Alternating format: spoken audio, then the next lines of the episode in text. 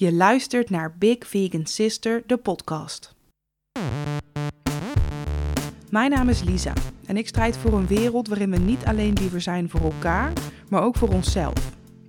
Met deze podcast ben ik er voor iedereen die een positief verschil wil maken in deze wereld, maar geen idee heeft waar te beginnen. Samen met mijn gasten neem ik je mee langs allerlei onderwerpen die bijdragen aan een inclusievere wereld. En bied ik je herkenning, nieuwe inzichten en een heleboel praktische handvatten om direct mee aan de slag te gaan. We zijn hier om te leren. Maar om maar even bij de woorden van Maya Angelou te blijven: When you know better, do better.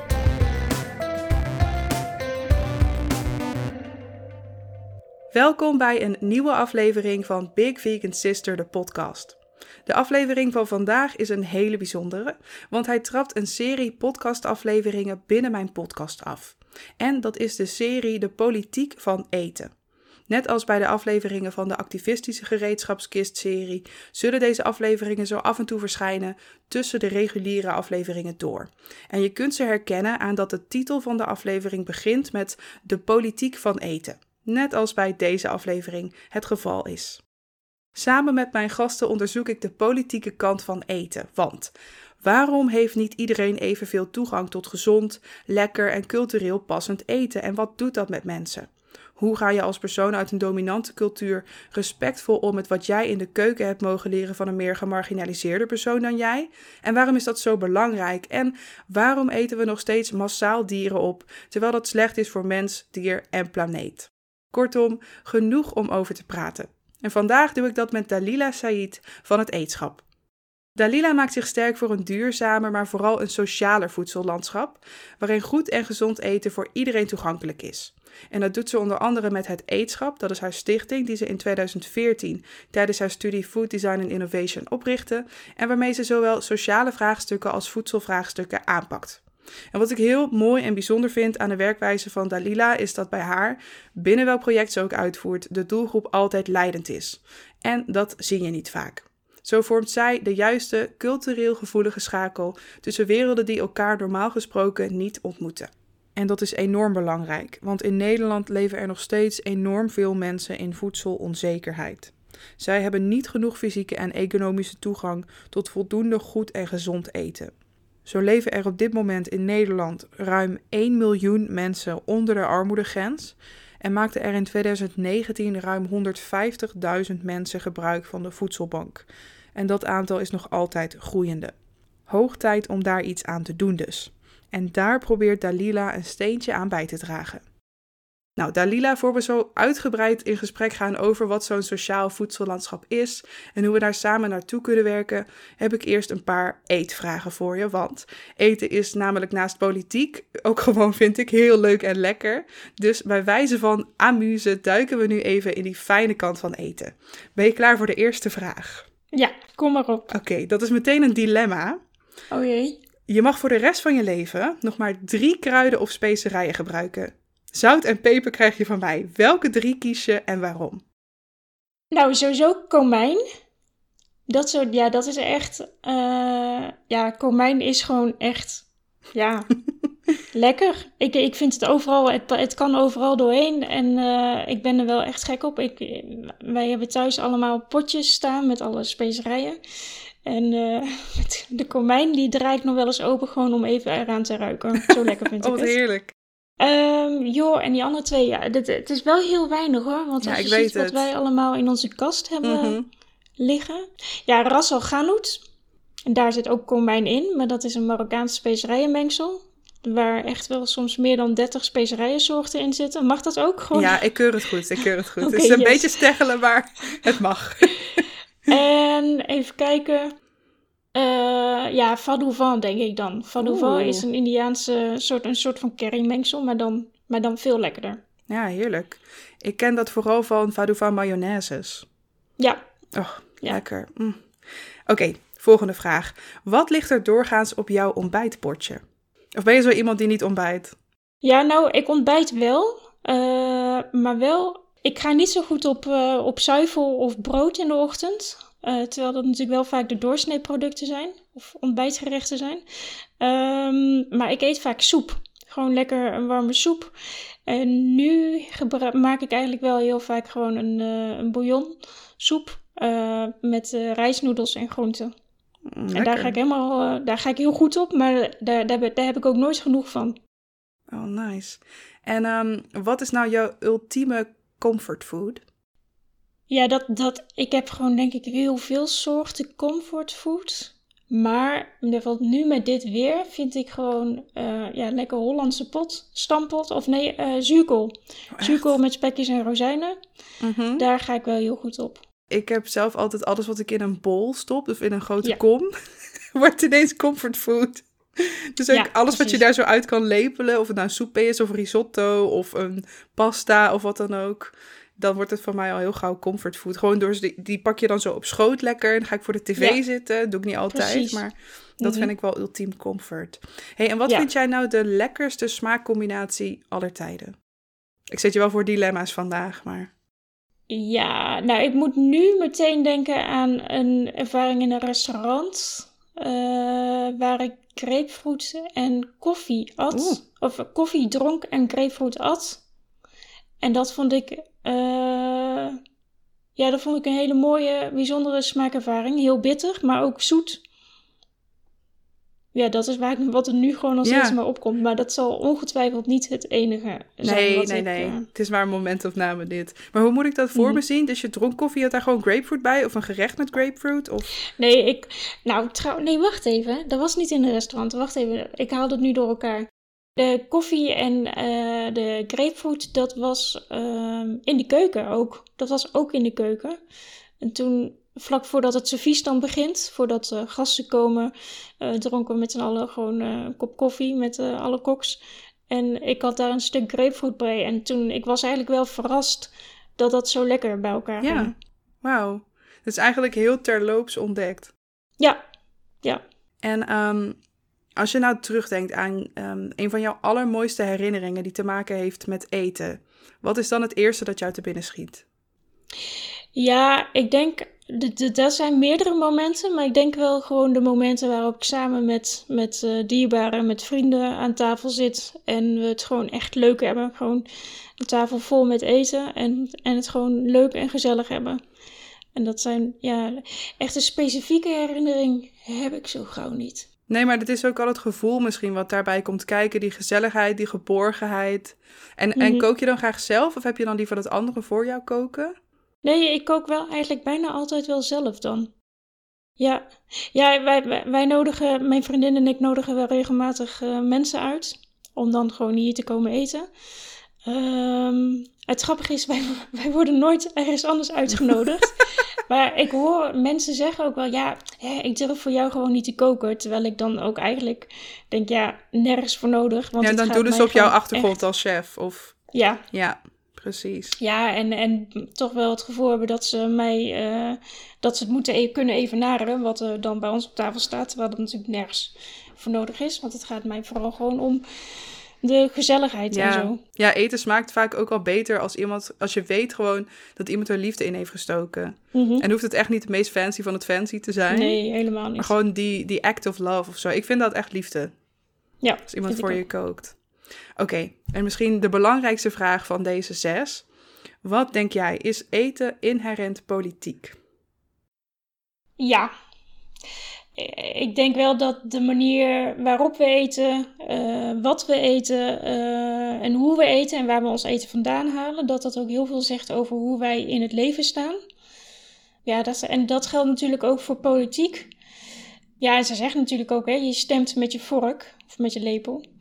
Ehm, ja, ik vind het heel lastig. Er, is natuurlijk wel echt wel een duidelijke connectie tussen politiek en eten. Ehm, en vo- vooral als het gaat om de productie ervan. Ehm, dat, dat is sowieso heel duidelijk zichtbaar ook natuurlijk nu in de media. Maar ik denk dat dat ook wel voor elk individu geldt. Alleen dat er gewoon heel veel mensen zijn die zich daar niet bewust van zijn. Ja, ja. Oké, nou, we gaan door naar, eh, naar, naar de echte vragen, tussen aanhalingstekens.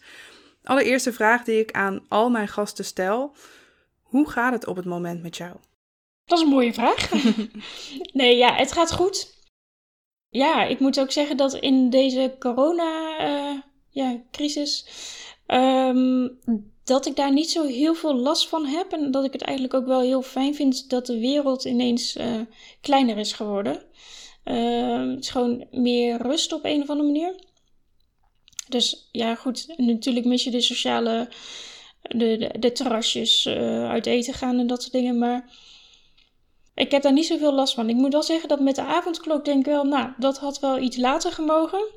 Uh, want ik heb vooral na zo'n hele dag werken, zittend achter je laptop, heb ik echt wel behoefte aan, uh, goed, net als heel veel anderen, om, om even naar buiten te gaan te wandelen. En nou goed, omdat het nu dan tot na negen uur niet meer mag, voelt het wat krappig, zeg maar. Dus uh, is een beetje goochelen met de tijd. Ja. ja, en hoe was dat voor jou voor COVID? Ging je eigenlijk vaak uit eten? Of, of at je sowieso al vaak thuis? Of ging je er veel op uit? Ja, wij gingen er wel veel op uit. Ja, sowieso voor mijn werk natuurlijk was ik echt wel elke dag op pad. En dan op verschillende, echt van de ene afspraak naar de andere afspraak hoppen. Um, en we gingen ook wel, ik denk wel, ja, één keer in de week uit eten. Lekker. Toch wel. En uh, niks fancies of zo. Ik bedoel, uit eten was ook gewoon lekker bij de Italiaan. Gewoon omdat, dat, omdat je weet dat het goed is. En omdat het gewoon lekker, hè, als je geen zin hebt om te koken. Mis je dat nu? Heel erg? Of? Nou, echt missen. Kijk, nee, ja, het valt mee. Ik bedoel, ik heb het goed hier thuis. Dus uh, we, hebben, we zijn nu met z'n drieën thuis. Uh, mijn vriendin en, en haar 17-jarige zoon. En dat gaat eigenlijk heel goed. En ook die eetmomenten zijn me ook wel echt wel heel dierbaar geworden. Omdat we het echt wel heel leuk hebben met z'n drieën. Ja, ja, dat herken ik heel erg. Ik, ik woon hier met mijn partner Randy en mijn hondje Mila. En ik besef ook gewoon hoe goed ik het heb. Ook, mm -hmm. weet je, de avondklok en zo heeft voor mij gewoon niet echt consequenties. Dat doet je nog wel eens beseffen hoe goed jij het hebt en, en hoe, hoe dat voor anderen dan ook moet zijn. Niet dat ik me dat natuurlijk helemaal voor kan stellen, maar nou ja, maakt je wel extra dankbaar voor wat je hebt. Maar maakt me anderzijds ook extra strijdbaar om ervoor te zorgen dat andere mensen ook ja, in een fijne positie kunnen verkeren. Hé, hey, maar je noemde net al eventjes, um, of ja, het kwam tussendoor even aan bod, dat je chef bent geweest. Ik weet niet, ben je chef voor het leven dan? Of mag je die, mag je die titel officieel dan niet meer claimen als je niet in een restaurant werkt? Hoe werkt nee, dat? Chef is volgens mij niet echt een officiële titel, nee. hè? Um, ja, ik moet zeggen dat ik mezelf niet meer per se chef noem. Maar dat heel veel anderen mij nog wel chef noemen. En ik denk ook dat dat vooral gewoon makkelijk is. Want, um, en, en voor mij is dat ook hoor. Want wat ben ik anders als ik geen chef ben? Ik heb, ik heb een eigen bedrijf. Ja, ben ik dan ondernemer? Ja, dat zegt niks. Um, dus nee, en ik moet zeggen, ik wil daar soms. Ik ben heel erg geneigd om daarvan af te willen. Of tenminste Soms wil ik daar vanaf. Denk ik, ja, ik wil helemaal geen chef of kok genoemd worden. Um, want ik doe veel meer. En eigenlijk kook ik ook helemaal niet meer. Ja, thuis dan. Maar soms in, in sommige gevallen, ook in gesprek met verschillende mensen, um, merk ik ook wel dat als ik hoef maar te zeggen dat ik kok ben geweest en, en je krijgt meteen weer allemaal. Het is voor sommige mensen ook meteen um, heel duidelijk wat je doet of wat je hebt gedaan, wie je bent. En um, uh, het gesprek over eten eh, begint meteen al. Dus soms is dat gewoon heel lastig. En ja, goed, eh, of ik dan een chef in, voor altijd een chef of een kok ben in hart en nieren. Misschien ja, ergens van binnen. ja, tuurlijk, dat zit er wel. Ik bedoel, ik ben, ik ben opgegroeid in de keuken. Uh, dus ja, dat zit, dat zit er wel in. En dat blijft erin zitten. Ja, want wat ik jou eigenlijk wilde vragen is: zou jij ons eens mee kunnen nemen? Um, ja, eigenlijk door jouw levensreis klinkt weer zo heftig, maar je bent begonnen als dochter in een gezin met zes kinderen, alleenstaande moeder, levend onder de armoedegrens. Je, toen ben je um, een koksopleiding gaan doen, sterrenchef geweest, allerlei restaurants gewerkt, nu het eetschap. Kan je ons meenemen op die reis door jouw leven om dan uiteindelijk uit te komen op die plek waar je nu staat? Ja, dat kan. Ik uh, thuis dus opgegroeid en het was wel uh, goed. Hè? Nu dan ook bijvoorbeeld met corona merk ik hoe fijn we het hebben hier zo met z'n drieën als gezin. Maar dat is niet altijd zo geweest. In mijn jeugd vooral was het eigenlijk onveilig. En daarom vind ik het ook wel heel verdrietig dat er nu ook gewoon heel veel kinderen zijn die echt gewoon zich thuis onveilig voelen, maar geen kant op kunnen. Maar goed, als je, als je in een, in een groot gezin opgroeit uh, met een moeder die uh, ja, op zich wel Nederlands spreekt, maar niet heel erg bekend was met het systeem. en dan ook nog in armoede, dan heb je wel altijd het gevoel dat je een beetje buiten de boot valt. Dat je er niet bij hoort, omdat je niet mee kunt naar verjaardagsfeestjes of ook niet uitgenodigd wordt, want er is geen geld voor. Dat soort dingen, voor activiteiten of sport. Ja, van die hele basic dingen word je eigenlijk gewoon uitgesloten dan. Ja, Ja, ja. Eh nou goed, je draagt eh, ook niet eh, de meest fancy of trendy kleding of wat dan ook. Dus je valt, het valt ook op. Maar ook thuis was ik wel, viel ik een beetje buiten het boot. M- mijn zussen, mijn broers en zussen, die, waren wat, die zijn wat mondiger. En ik was zelf altijd wat stiller en wat verlegen. Dus ik was ook niet altijd heel erg opgewassen tegen hen. Dus eh, ja, goed, ik, had eigenlijk nooit echt het gevoel dat ik ergens bij hoorde of ergens onderdeel van uitmaakte. Dat is natuurlijk altijd een soort van gemis geweest, of ook een soort van verdriet. En dat probeer ik, ik maar tegelijkertijd denk ik dat dat nu ook juist wel mijn kracht is in mijn werk bij het eetschap. Nou goed, eigenlijk is dat wel mijn drijfveer, juist. Eh, mensen het gevoel geven dat ze er wel bij horen en dat ze wel onderdeel uitmaken van, van de samenleving of wat dan ook. Ja, en goed, ook door nou, eten. ehm, mijn moeder was natuurlijk ook helemaal niet bezig met eh, gezond eten. Laat staan of dat het eten duurzaam geproduceerd was. We waren gewoon vooral bezig met overleven. En ervoor zorgen dat iedereen in het gezin genoeg te eten had. Maar ik merkte ook wel, mijn moeder was vaak ziek. Ehm, en dat had verschillende oorzaken. Gewoon en eten, maar ook eh, het sociale stuk. Eh, Veel, ja, veel alleen. En ik denk wel dat daardoor juist... eh, ik heb geleerd en gezien dat eten zoveel kan doen. het is meer dan alleen eten. Ja, het, het, kan, het brengt echt wel mensen bij elkaar. Goed, dat is echt in de loop van de, de, de, de jaren heb ik dat ontdekt. Want voorheen waren de, de samen eetmomenten thuis, die waren ook gewoon echt nooit prettig. Uh, mijn moeder kon uit het niet ineens boos worden of wat dan ook. Dus dat, uh, dat voelde ook nooit veilig. Het liefst was ik gewoon, verstopte ik me altijd achter een kast. En uh, ik heb eigenlijk pas tijd toen ik ging de koksopleiding gaan doen. Nou goed, ik had toen gewoon iets om handen. Dat was heel fijn, want ik wist niet wat ik anders moest doen. En ik, ik bleek er ook nog wel goed in te zijn, dus uh, daarbij heb ik eigenlijk heb ik me gewoon in vastgebeten. Ja, ja want hoe ging dat? Um, was het iets wat je maar koos omdat je iets moest kiezen? Of, of hield je toen al heel erg van met eten bezig zijn? Waarom maakte jij toen die keuze? ja, en dat is eigenlijk, dat is, ja, dat is eigenlijk nog best grappig, want ik zat in, even kijken, de, de tweede van de, van de brug, van de middelbare. en ik deed basis, uh, beroep, basisberoepsgerichte leerweg. En dan moet je dus inderdaad vanaf de tweede al kiezen wat je ja, gaat heftig, doen, welke richting. Heel, heel jong dus, ik was 14. En ik had geen flauw, echt geen flauw idee wat ik wilde gaan doen. En het was dat mijn uh, moeder op een gegeven moment zei: Ja, en waarom ga je niet gewoon de koksopleiding doen? Dan kun je koken, leren koken. Zij vond dat ik niet kon koken. niet lekker. Vond ik van haar. Ja. Maar um, goed, zij zei, zij zei: Ga jij maar de koksopleiding doen, want dan kun je leren koken. En als je straks gaat trouwen, dan kun je lekker koken voor je man en kinderen. Uh, maar op het moment dat zij dat zei, dacht ik wel van: Oh ja, oh ja, koken. Nou, dat klinkt best leuk. Ik ga dan wel, maar dan ga ik wel in een professioneel restaurant werken. Gewoon als professional en niet als thuiskok. Ja, goed. En die, de passie, die is uiteindelijk gewoon gegroeid. Die, het is niet dat, hij er al, dat ik ermee geboren ben of wat dan ook. Die is echt gewoon ontstaan.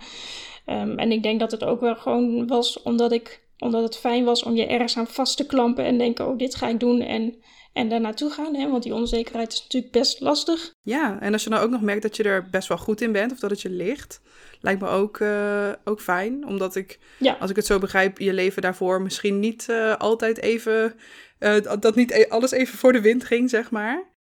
Ja, nou ja, en ik vond het ook wel uh, in de keuken. De, de, er is gewoon. Uh, de mensen, vooral mannen, waren, die zijn gewoon heel direct. Je weet waar je aan toe bent. En ik denk dat, dat, mm. mij, dat ik dat heel fijn was. Uh, thuis was het gewoon. Uit het niets kon er van alles gebeuren. En in de keuken was het gewoon. Je wist gewoon waar je aan toe was. En soms was het ook gewoon shit en, en gezeik. Maar je wist in ieder geval waar je aan toe was. En het was niet onverwachts of zo. Ik denk dat dat misschien ook wel ervoor zorgt dat ik me daar ook echt wel. Ja, op mijn, op mijn gemak voelde. Maar wat interessant dat je dat zegt, want ik denk dat voor heel veel mensen die van buitenaf naar een keuken kijken, dat ze daar misschien een beetje bang van worden. En dat ze dit juist misschien zien als een onveilige plek. Terwijl voor jou die duidelijkheid misschien juist een bepaalde veiligheid bood om daar te kunnen floreren, omdat je tenminste wist waar je aan toe was. Ook al was dat misschien soms heel hard. Ja, ja nou, omdat we het er nu over hebben, realiseer ik het misschien ook pas hoor. dat ik, uh, ja, nou ja, en uiteindelijk uh, de, de koksopleiding gedaan, als kok gewerkt in uh, verschillende restaurants. En ja, goed, ik was gewoon echt wel, ik, ja, ik, wel, ik was gewoon een van de jongens. Um, niet altijd hoor, maar wel op veel plekken als enige vrouw gewerkt. Meisje eigenlijk toen nog. Hoe oud was je ehm, toen? Even kijken, ik begon op mijn 16e, 17e. Wow. Echt in de keuken. En tot mijn kijken, dat was tot 2009. Echt. Uh, hoe oud was ik dan? Min 12 ongeveer, of min 11. Oh joh, je moet me echt niet laten rekenen. Niet nu zo. ik, ik kan ook niet rekenen. Maar, Maakt niet uit. Jong. ja, in ieder geval, uh, ik denk tot mijn uh, twee, 22ste, okay. 23ste ja. zo. Dus eigenlijk is dat helemaal niet zo lang geweest. Dat zijn maar uh, ja, zes jaar of zo geweest dat ik in de keuken heb gewerkt. Maar ja, ik ben daar wel, ik heb me daar wel echt, uh, ik heb daar een enorme groei uh, doorgemaakt. Ja, ja. En um, de reden waarom jij stopte met koken was niet omdat jij het niet leuk vond, toch? Nee. Want wat is er gebeurd? Eh, de, ja, ik had een, een, uh, iets aan mijn voeten. Uh, een botafwijking ben ik aan geopereerd. En dat is niet gegaan zoals gehoopt, verwacht. waardoor ik een poosje gewoon geen staand werk meer kon verrichten. Dus toen kwam ik in de ziektewet terecht. Nou, heel erg van gebaald. Echt heel erg. Nou ja, goed, ik had heel snel wel besloten, nou, dan ga ik in ieder geval studeren. Maar ik wist nog niet zo goed wat. En ik kwam erachter dat er in Den Bosch uh, allerlei voetopleidingen waren die me heel erg aanspraken. Dus ik, en omdat mijn, de huur van mijn kamer in Utrecht, waar ik toen woonde, die, uh, of tenminste nee, de, de, mijn huurcontract, die verliep. Dus ik moest sowieso verhuizen. En toen dacht ik, nou weet je, dan ga ik alvast richting het zuiden verhuizen. En dan ben ik daar alvast, kan ik de buurt leren kennen en dat soort dingen. En me voorbereiden op mijn studie. Ja, want je komt niet uit het zuiden, toch? Ja, nou, eigenlijk. Ik ben geboren in Oosterhout, dat is vlakbij Breda. Toen ben ik vanaf mijn negende heb ik gewoond in Flevoland, op verschillende plekken, Lelystad en Almere. En even kijken, op mijn achttiende ben ik op mezelf gaan wonen en twee jaar later ben ik naar Utrecht verhuisd. Toen richting het zuiden. Ja, en dan had ik een uh, kamertje bij een wat oudere vrouw in huis. En ik zou eigenlijk een paar maanden later met de studie beginnen, maar omdat er een operatie tussendoor kwam, weer aan mijn voeten. Toen werd het een jaar uitgesteld, mijn studie. En toen, dat was wel een heel lastig jaar, want ik was en ik zat zonder werk. Ik had, uh, nou ja, ik, ik woonde gewoon in een vreemd, of in een klein dorpje waar ik niets of niemand kende. Uh, ik wilde wel heel graag studeren. Maar ik vond het ook wel heel spannend, want ik had een, uh, omdat ik van het VMBO kwam, moest ik een 21-plus test doen om, het, om een HBO-studie te kunnen volgen. Ja, en toch wel die onzekerheid van hoe kan ik het wel, uh, ben ik wel slim genoeg daarvoor, dat soort dingen. Dus dat was wel een lastig jaar.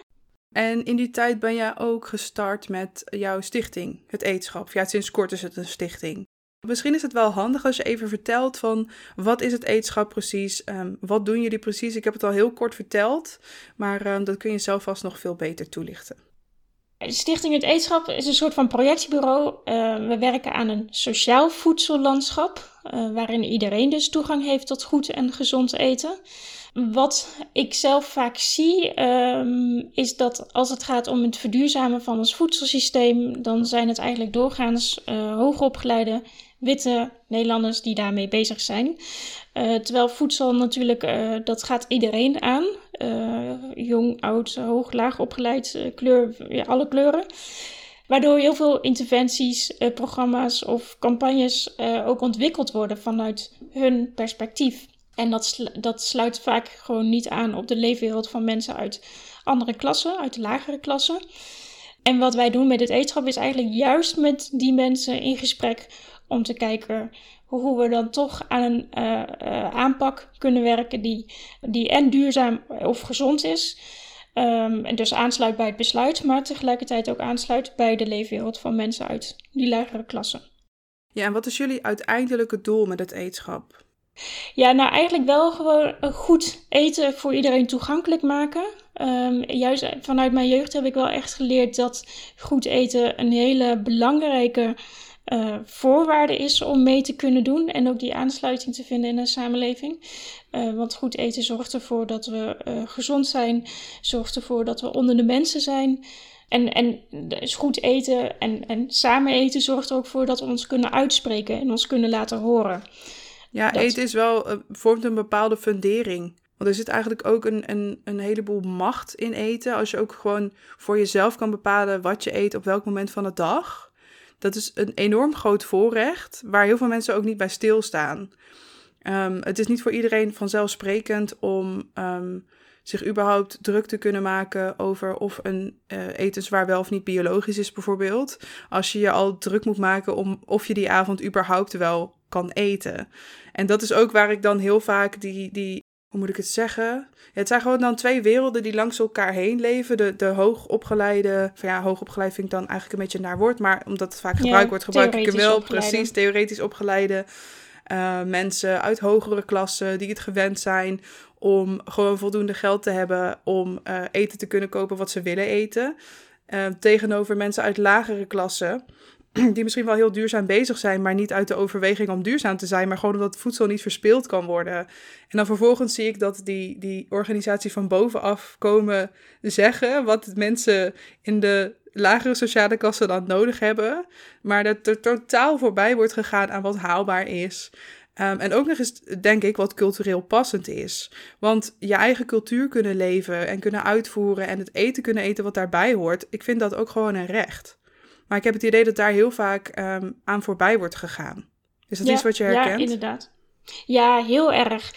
Um, nou, sowieso, hè, wat, wat verstaat men onder duurzaamheid? De, ja. hè, je kunt denken uh, ecologische duurzaamheid. Um, maar als ik dan bijvoorbeeld kijk naar hoe ik ben opgegroeid, uh, voor ons was het vooral duurzaam om alles lekker spotgoedkoop uh, te kopen. Dus ook plofkippen. want dat was duurzaam voor onze portemonnee. En je kunt niet verwachten van mensen die, die, die gewoon andere zorgen aan hun hoofd hebben. En dat is, is niet alleen maar armoede, maar er speelt natuurlijk vaak nog meer. Dat zij uh, dezelfde keuzes gaan maken als, als, uh, ja, als mensen die wel heel erg bezig zijn met die ecologische verduurzaming. Ja, en dat laatste is ook een gigantisch voorrecht, want ik ben zelf veganist. En iets waar ik me binnen de vegan scene heel erg aan erger, is dat die sowieso um, op het oog heel erg wit is. En dat veegt compleet uit hoeveel mensen van kleur, hoeveel zwarte mensen er onderdeel zijn van de vegan beweging. Dat heel veel um, zwarte culturen, culturen van kleur ten grondslag lagen überhaupt aan veganisme. Voordat die in de jaren 40 volgens mij een naam kreeg, doordat een witte man die claimde. Dat nog even daar gelaten. Er wordt ook vaak um, door. Uh, hangt een bepaalde superioriteit om dat witte veganisme. En waarin wordt bepaald wat dan de juiste keuzes zijn. En waarin wordt gedaan alsof iedereen veganist kan worden. In theorie kan misschien 99,9% van de wereldbevolking veganist worden. Maar is dat dan ook wel echt haalbaar? Er wordt niet gekeken naar grotere systemen. Er wordt niet gekeken naar toegang tot voedsel, naar kennis, naar um, de cultuur die je uit moet kunnen voeren. En um, dat is iets wat mij echt persoonlijk enorm irriteert, wat ik echt verschrikkelijk vind. Ik noem aan, de, aan het eind van de aflevering een paar um, vegan initiatieven op van mensen van kleur die daar gelukkig op een hele andere manier tegen aankijken. Maar dat, dat zeg maar de anderen opleggen op welke manier jij duurzaam moet zijn en, en, en daarbij ook dat superieure van als je dat niet doet, dan ben je dus een minder mens. Ik vind dat zo naar. Wat ik dus eerst ook heb zien gebeuren is um, de organisatie PETA, People for the Ethical Treatment of Animals. Verschrikkelijke organisatie, zoek het maar eens op. Um, in Detroit, in de Verenigde Staten, is um, heel veel uh, armoede. Echt heel veel armoede. Dus dat is voor de helft een spookstad geworden. De mensen die er nog wonen kunnen niet aan het werk komen. En als het werk is, is het zwaar onderbetaald. Um, wat dus ook erop neerkomt dat bij sommige mensen het water en de elektriciteit af wordt gesloten. En toen heeft Pita gezegd: Als jullie ons beloven om veganist te worden, dan betalen wij jouw waterbill. Dus dan betalen wij jouw water, um, jouw waterrekening. En dat is toch fucked up? Dat, je kan dat toch niet op die manier van mensen verwachten. Dat je zegt van ik wil dat jij dit gaat doen. Ook al heb je misschien überhaupt niet te eten. Dat maakt mij dan niet uit. Uh, als jij veganist wordt, dan betalen wij jouw rekening. Ja, ik, hier zit zo'n groot ergerpunt van mij.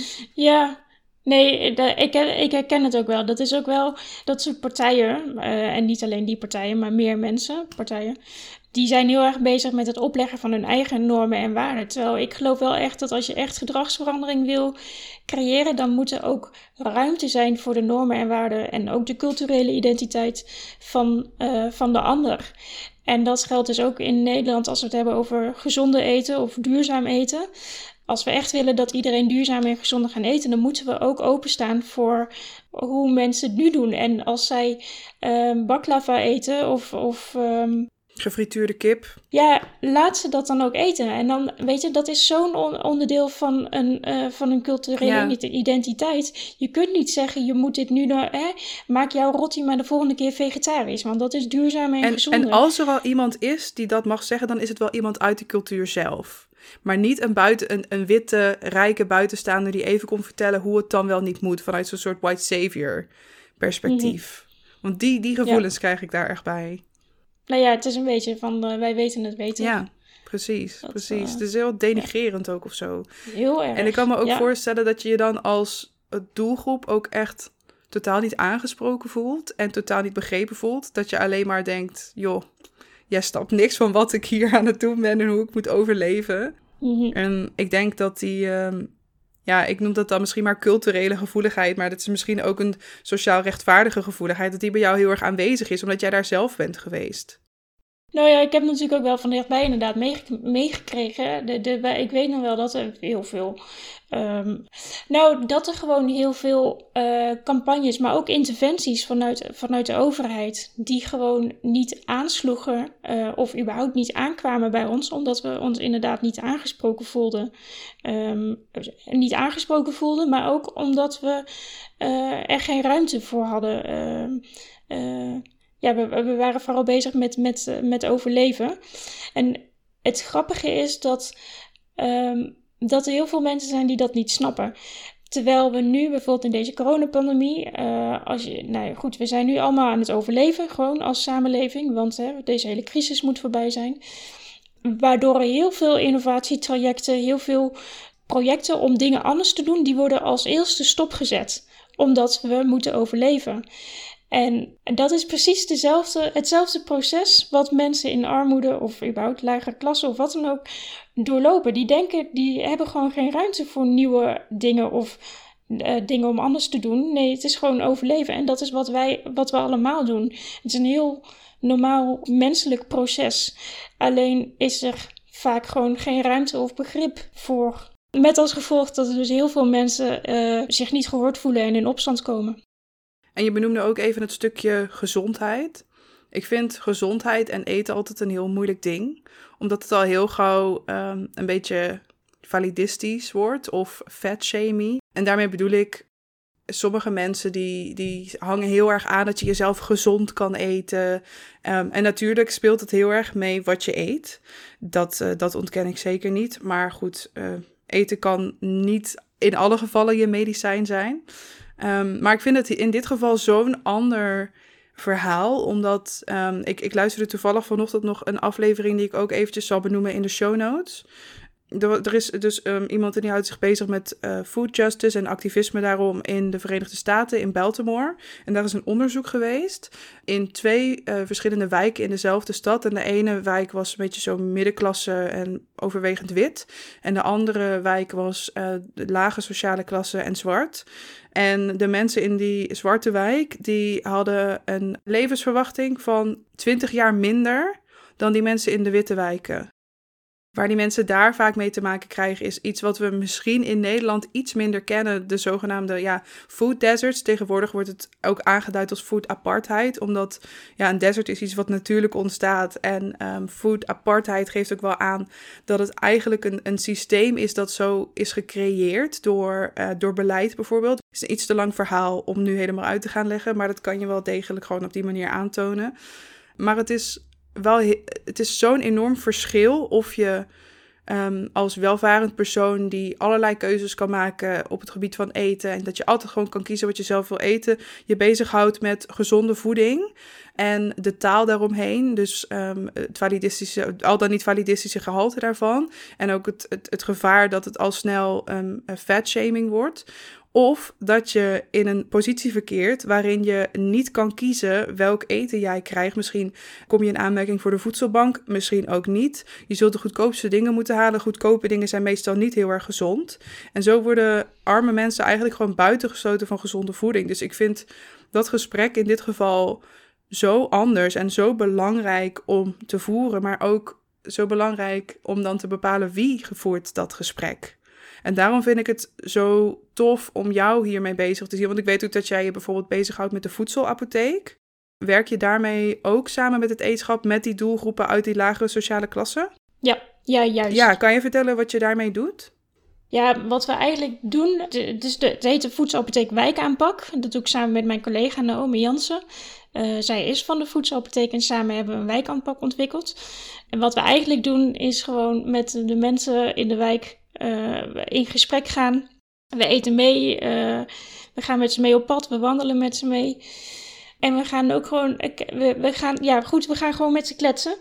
We hebben het over van alles. Maar uiteindelijk is het wel het doel om het toch ook te hebben over gezondheid, over eten, over wat ze van de wijk vinden. Gewoon over hun leven eigenlijk. We hebben het ook over wat gezondheid, wat, wat zij verstaan onder gezondheid. Hè? Want daar kun je van alles onder bedenken. Over eten, wat hun eetcultuur, wat ze graag eten. Wat ze vinden van hun, hun, hun leefomgeving of hoe ze de wijk ervaren. En uh, samen met hen kijken we eigenlijk uh, hoe we een aanpak kunnen ontwikkelen die ervoor zorgt dat bijvoorbeeld de voedselomgeving gezonder wordt. Jij zei net al in Amerika uh, dat er twee wijken zijn waar dan verschillen in levensverwachting zijn. Nou, dat is ook in Nederland zo. mensen in ja, gewoon mensen uit de lagere klasse overlijden vijf tot zes jaar eerder en ervaren 16 jaar eerder een slechtere gezondheid. Er zijn natuurlijk verschillende redenen daarvoor. Eén is natuurlijk wel, ja, natuurlijk. Eén is wel uh, is een gebrek aan geld. Um, er is vaak ook gebrek aan kennis over, uh, specifieke kennis over eten. Hè? Want dat wil niet zeggen dat ze minder weten, maar dat ze net iets anders weten. Uh, er is gewoon ook veel stress, ja, veel ik eenzaamheid. Ik wou toch zeggen, gewoon chronische stress. Dat doet zoveel met je lichaam. Ja, uh, dat heeft ook invloed op ons IQ, maar ook gewoon, ik bedoel, uh, volgens mij kan iedereen hoogla, nou, theoretisch praktisch opgeleid, hè, als we die termen gaan gebruiken, zich dat ook wel voorstellen als je gewoon even een rotdag hebt of gewoon een, een zware dag dat je denkt, ja, fuck it, ik heb geen zin om te koken. Precies, er is letterlijk geen ruimte voor. Precies, en dat je ook gewoon, uh, als je jonge kinderen hebt, je hebt geen zin in huilende kinderen aan tafel. Omdat je denkt, nou weet je, ik ga gewoon frikandellen voor ze maken. Want uh, anders gaan ze weer, gaan, eten ze hun eten niet op. Ja. Uh, maar uh, een andere reden dat mensen heel veel ongezond eten... is gewoon ook vooral om de, de voedselomgeving, hoe die is ingericht. En vooral in kansarme wijken, daar is de voedsel, ja, vind je op eigenlijk bijna elke hoek van de straat wel een frietent. Um, is, is gewoon ongezond eten. De ongezonde snacks zijn gewoon makkelijker, goedkoper uh, bereikbaar. Ja, en ze vullen dan waarschijnlijk ook meer dan als je voor hetzelfde geld iets haalt. Wat dan misschien, als je het zo bekijkt, gezonder is. Maar dan moet je dus een stuk verder reizen. Het is duurder, mm -hmm. het, het vult ja. minder. Dus ik, ik snap wel waarom mensen die keuzes dan maken. Ja, nee, en met de voedselapotheek willen we dus ook kijken. Kijk, we kunnen niet per se iets doen aan, aan uh, een gebrek aan geld. Want nee, dat is gewoon, ja goed, er zou vast wel iets aan gedaan kunnen worden, maar dat, dat kan ik niet.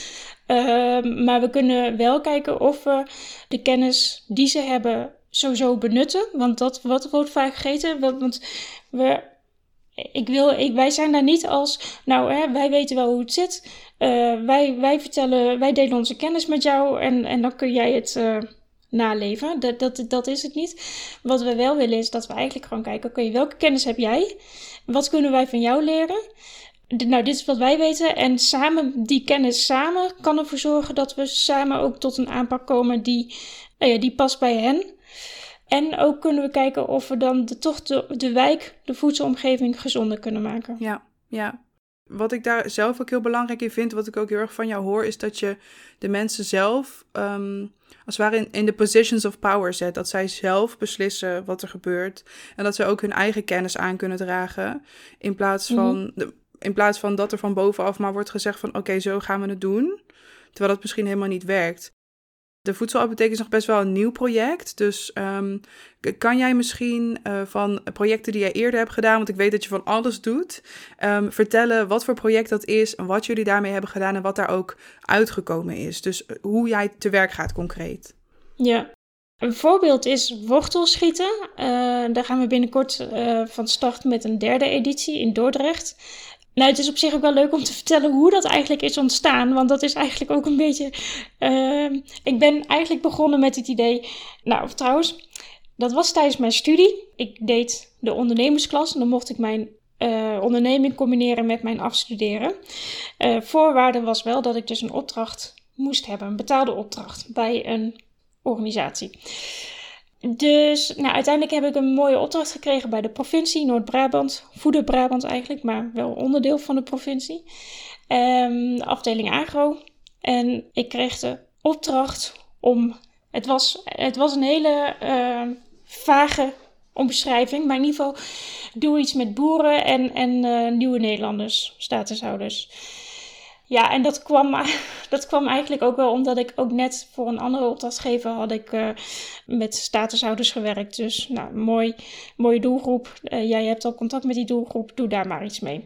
Maar er was dus, eh, het was dus een vage opdracht en eigenlijk moest ik die opdracht dus nog formuleren, zelf formuleren.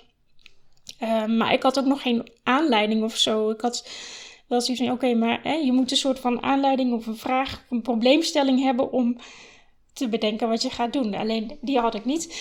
Dus uh, nou, ik kwam al heel snel op uh, internet. Uh, vond ik allerlei rapporten over van de GGD onder andere. dat nieuwe Nederlanders, die zodra ze in Nederland komen wonen, ongezond eten.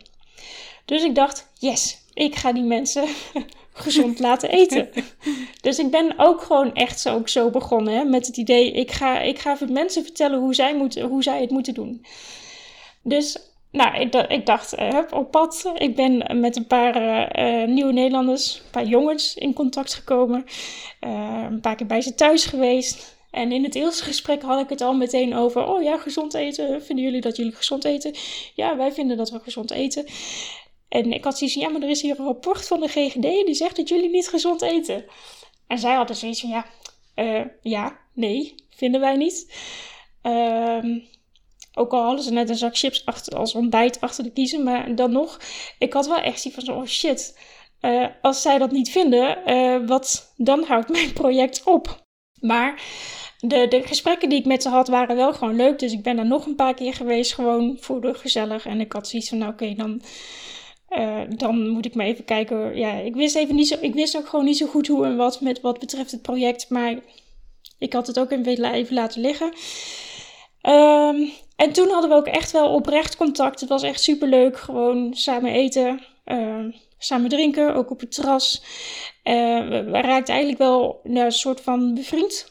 En in die gesprekken kwam ik erachter dat ze, uh, deze jongens kwamen uit Eritrea, dat ze en twee dagen in de week veganistisch eten omdat het onderdeel is van hun religie. En ze zeiden ook echt van, ja, weet je, de gesprekken met jou vinden we heel leuk.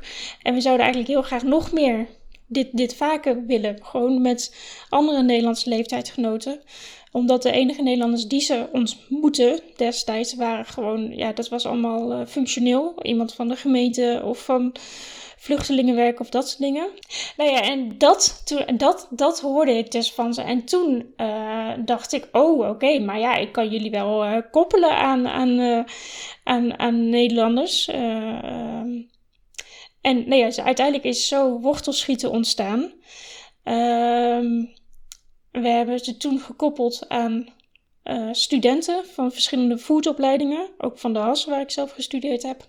En deze studenten volgden dan toevallig de minor uh, plantaardige toekomst. Dus die, hadden, die moesten in ieder geval een project doen met uh, plantaardig eten. Um, en die, nou alle deelnemers, uh, de Nieuwe Nederlanders als de studenten, zijn samen tien weken op pad geweest. Um, eh, samen eten, samen drinken ook. Dat was echt wel een heel belangrijk onderdeel van het programma. Ehm, samen koken natuurlijk ook. En uh, ja, ze hebben gewoon heel veel geleerd van elkaar. En door die kennisuitwisseling um, hebben, want ze hebben, we, we, we, hebben wel natuurlijk gestuurd op uh, ja, eten, het hebben over eten, het hebben over onze culturen, alle culturen die in de groep uh, aanwezig waren. Um, en uiteindelijk hebben de studenten met de kennis die ze hebben opgedaan over plantaardig eten, hebben zij nieuwe plantaardige producten ontwikkeld. En um, door de omgang met Nederlandse leeftijdsgenoten heeft het bijgedragen aan de taalvaardigheid en ja, toch wel integratie van nieuwe Nederlanders. Um, en uiteindelijk ook toch een beetje aan hun gezondheid. ja, want hoe uh, zijn ze daarna op een andere manier gaan eten? Of wisten ze bijvoorbeeld bepaalde producten beter te vinden? Ja, precies. Ja, verschillende pro producten. Want uh, nou ja, asperges en rode biet groeien niet in, in uh, Eritrea. Dus we zijn ook bij boeren geweest die die producten telen. Uh, ze hebben het zelf geoogst, we hebben daarmee gekookt. Um, ja, heel veel geproefd. Maar wat ik eigenlijk ook nog wel heel, nog misschien wel meer, nog waardevoller vond, is dat uh, juist omdat het contact heel gelijkwaardig was, uh, de studenten wilden, die hadden bepaalde kennis en die wilden meer weten van iets anders. En zij hadden dat ook. Zij hadden bepaalde ja, kennis en zij wilden ook meer weten. Ja, precies. En het mooie was dat we ook bijvoorbeeld gewoon als we op pad waren, dat, nou wel, onderdeel van het programma was een supermarktsafari. En dat terwijl we door die paden liepen, dat er ook gewoon een Eritrese vrouw vroeg aan een van de studenten van, oh, hè, welk tandpasta merk gebruik jij nou? En wat is een goed merk? Of uh, uh, een ander had last van menstruatiepijn en die vroeg aan een andere vrouwelijke student van, oh, maar hè, wat, wat doe je dan als je daar hebt? Wat, als je dat hebt, wat, wat, wat kan ik dan het beste doen? Um, nou goed, en zo'n student vertelt vanuit de eigen ervaring en die vertelt het niet als, ik weet wel hoe het zit ik ga jou dat vertellen. Nee, die vertelt van haar. Precies. En dat komt aan. Ja. Dat is wat ze onthouden. Ze onthouden het niet als er een voorlichter voor de groep staat en die vertelt hoe en wat uh, en hoe het hier allemaal werkt. Nee, ze onthouden verhalen. Net als dat iedereen verhalen onthoudt. Dat is zo waar. Je staat zo de spijker op zijn kop, want eten is zoveel meer dan eten. Want ook samen eten is, is niet alleen samen eten, het is samen zijn, je geborgen voelen, je op je plek voelen, mits dat natuurlijk in een veilige, fijne situatie gebeurt. Want samen eten kan ook heel onveilig zijn. Maar dit is ook. Um, ik, ik kan nu helaas mijn evenementen even niet organiseren, maar um, voor COVID uh, organiseerde ik veel Big Vegan, of ja, veel, drie Big Vegan Sister events. Um, en daar stond eten ook altijd centraal. Het was altijd had het te maken met eten, want eten is zo'n laagdrempelige manier om mensen samen te brengen. En dat maakt je ook heel, als je allemaal zo hetzelfde eet of je, of je schept van dezelfde tafel op, het maakt je ook heel gelijkwaardig. En dat is iets dat ik, echt, dat ik echt heel mooi vind. En dan wil ik niet voorbij gaan aan dat eten voor sommige mensen ook gewoon heel moeilijk is. Ja, maar, uh, en dat kan allerlei redenen hebben. Maar um, dit is ook waarom ik het zo belangrijk vind om nu juist in die politiek van eten te duiken. Want eten is zo mooi en het kan zo helend werken op welke manier dan ook. En het kan mensen samenbrengen, maar het kan mensen ook verder van elkaar verwijderen. En het kan ook zorgen voor meer ongelijkheid. Um, en dat, dat vind ik het interessante en tegelijk het pijnlijke om daar, daaraan mm. te onderzoeken. Nee, wat ik dus heb gemerkt, kijk, in mijn, in mijn uh, jeugd was samen eten was gewoon echt niet leuk, omdat het onveilig was. Maar het is ook echt gaandeweg. Eh, later heb ik wel echt ontdekt dat juist het samen eten, dat zorgt voor in die gesprekken, of de momenten dat ik met in dit geval de deelnemers van wortelschieten in gesprek ging, dat was tijdens het eten. Dat ik heel veel over ze leerde, was tijdens het eten. Um, ja, eh, nou ja, dat je mensen leert kennen. Dat was ook dat, zoveel momenten tijdens het eten. Um, dus ik, goed, ik weet ook natuurlijk hoe het dus is om het niet fijn te hebben tijdens het mhm. eten en, en uh, dat soort dingen. Maar um, er zit zoveel kracht in. in uh, ja, het, het, samen eten, dat is een moment dat je even um, naar elkaar luistert. Ja, dat je gewoon even met elkaar bent. Ja, en dat je gewoon ook gelijk bent. En uh, ja. Ja, want ik wilde jou ook nog vragen, want je, geeft er nu al een beetje een aanzet voor. We hebben het er ook al kort over gehad. Um, eten was voor jou vroeger misschien niet echt iets waar je per se van genoot. iets wat vaak gepaard ging met een bepaalde onveiligheid. Ehm, hoe, hoe is jouw relatie tot eten door de jaren heen veranderd? Hm. Nou, ik heb eigenlijk wel gewoon een hele goede eh, relatie met eten. Soms iets te goed.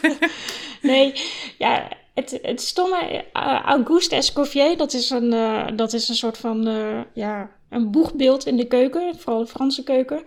En hij heeft een quote, zijn, zijn, of tenminste, hoe zeg je dat? Ja, een uitspraak. Een quote, ja, een quote. Ja. ja, een uitspraak, een bekende uitspraak van hem is: um, Als je weet hoe je moet eten, weet je ook hoe je moet leven. En uh, ja, ik vind dat echt een mooie uitspraak. En, en daar geloof ik ook echt wel in. Als je um, eten moet je doen met, met plezier, met genot, soms met mate. Uh, um, ja, ik weet niet. Maar je mag ook vooral lekker uit de band springen. Uh, ik weet niet. Het is, ja. En dat is wat ik wel probeer na te streven. Ja, mooi. Ik wilde jou ook nog kort vragen, want we hebben het natuurlijk wel ook. Het is een beetje een rode lijn geweest door deze podcastaflevering heen. Hoe jij um, de mensen waarmee je werkt, dus de doelgroep waarmee je werkt, um, centraal stelt in wat je doet. Wat denk je dat het belangrijkste is wanneer je zo'n zo'n groep benadert of wanneer je een bepaalde noodzaak bemerkt? Hoe zorg je ervoor dat je niet vervalt in die rol van redder? Dus dat je niet van bovenaf iets op komt leggen.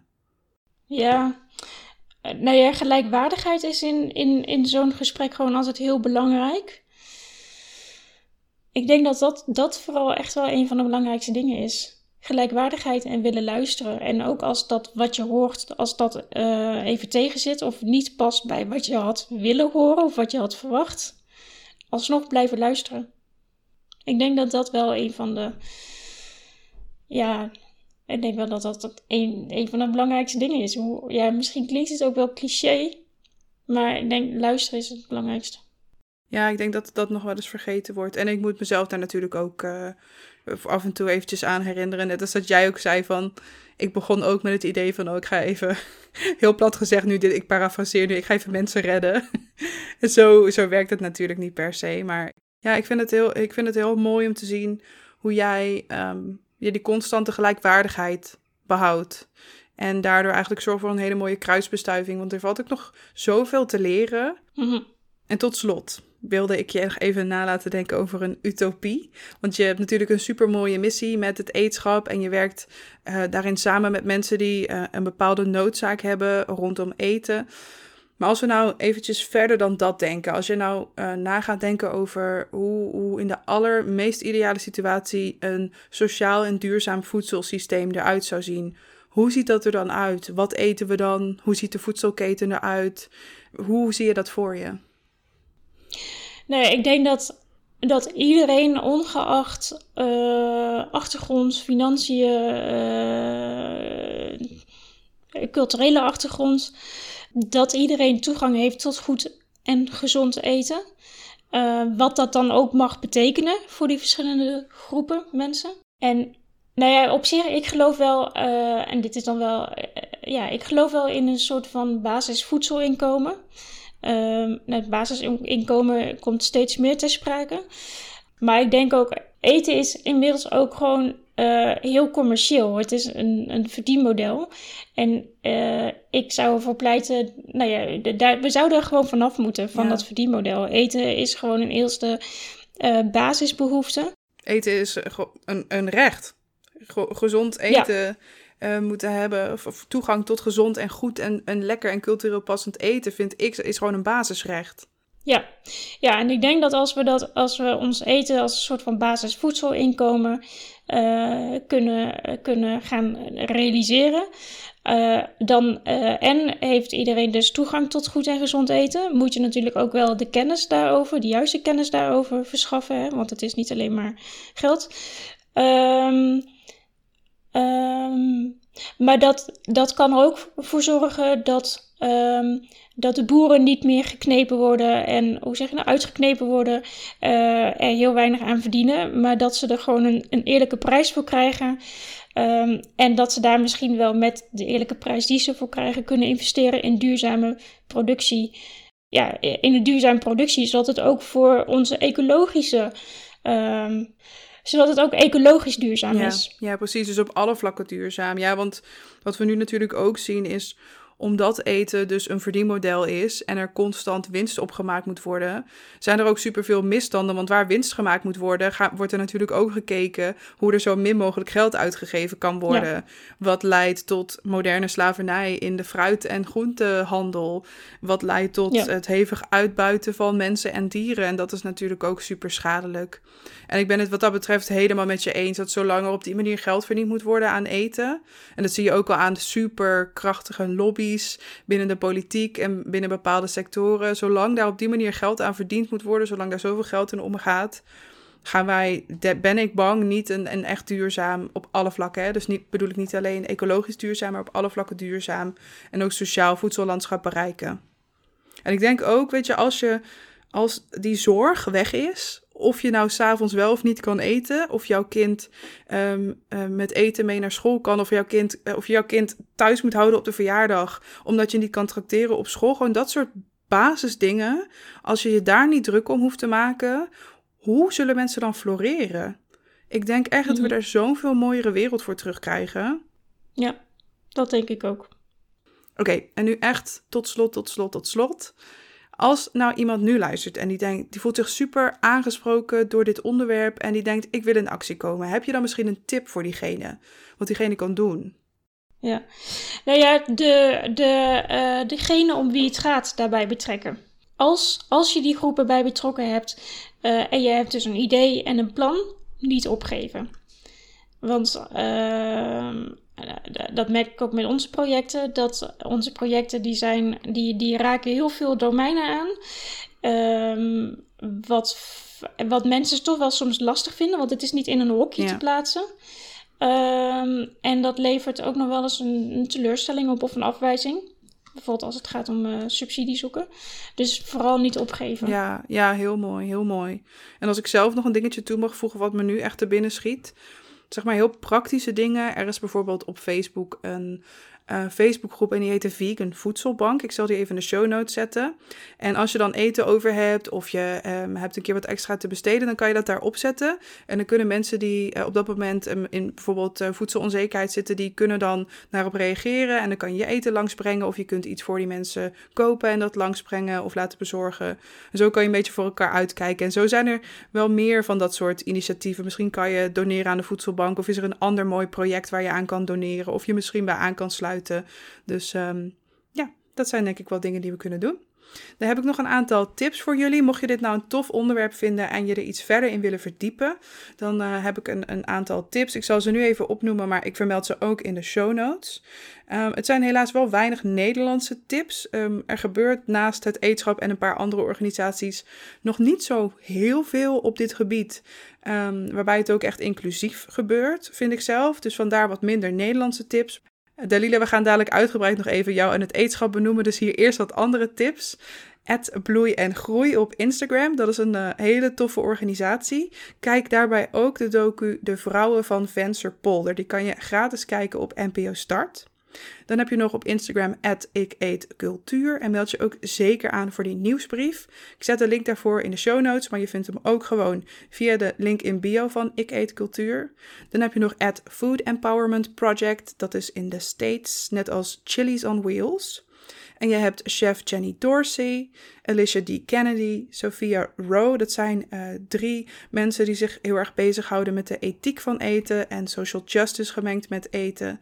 Um, Queer Brown Vegan, en nog twee podcastafleveringen die ik je graag tip. Eentje over food apartheid en why we don't call it a food desert van de podcast Point of Origin.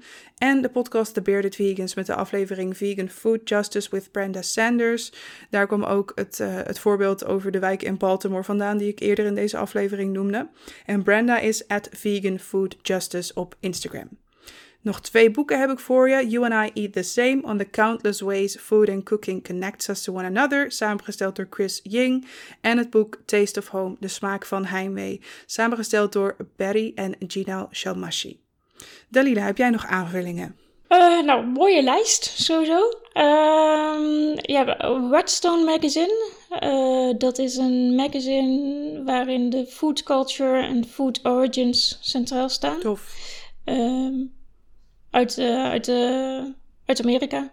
En nog eentje trouwens. En dit, dit lijkt misschien een heel ander thema, maar toch wel het boek. Uh, um, Jij hebt ons niet ontdekt, wij ah, waren hier al, van Massi Utah.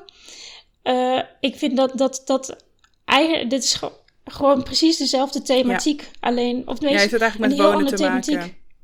Precies. Dus een heel andere thematiek, maar wel hetzelfde. Ja, ja, precies. Ja, totaal met je eens. Het gaat over gentrificatie. Dus hoe um, mensen uit lagere sociale klassen uit wijken worden verdreven ten behoeve van de hogere klassen. En dan wordt de wijk opgeknapt en dan kunnen de hogere klassen ervan profiteren en de lagere klassen smeken daar al jaren om, maar er gebeurt niks mee. Zeker, ook een aanrader. Oké, ik wil je heel erg bedanken voor het luisteren. Dalila, ik wil je ongelooflijk bedanken dat je te gast wilde zijn. Jij ook bedankt. Heel fijn. Leuk gesprek. Vond ik ook, vond ik ook. Hey, hoe kunnen mensen jou vinden op het internet? Op het internet, uh, nou ja, natuurlijk www.heteetschap.nl. Uh, eh, en het eetschap heeft ook een Instagram, LinkedIn en Twitter account. Ehm dat is het eigenlijk. Yes, en stel mensen willen jou bereiken om uh, een project met je te doen of om een vraag te stellen, dan vinden ze jouw contactinformatie ook via daar. Ja, via de website vind je alles, yes. alle gegevens. Perfect, heel erg bedankt. Nou, mij volgen kan via @bigvegansister. Doneren kan via petje.af slash bigvegansister. Je kunt ook mijn boek Laat je horen kopen over activisme, de basics daarvan. En dat kan via eigenlijk alle plaatsen waar je maar een boek kan krijgen. Support vooral je favoriete boekhandel. Hij is te krijgen als e-book, paperback en luisterboek. Mijn mailen kan via lisa.bigvegansister.com. En ik zie jou heel graag de volgende keer weer. Doei doei! Doei!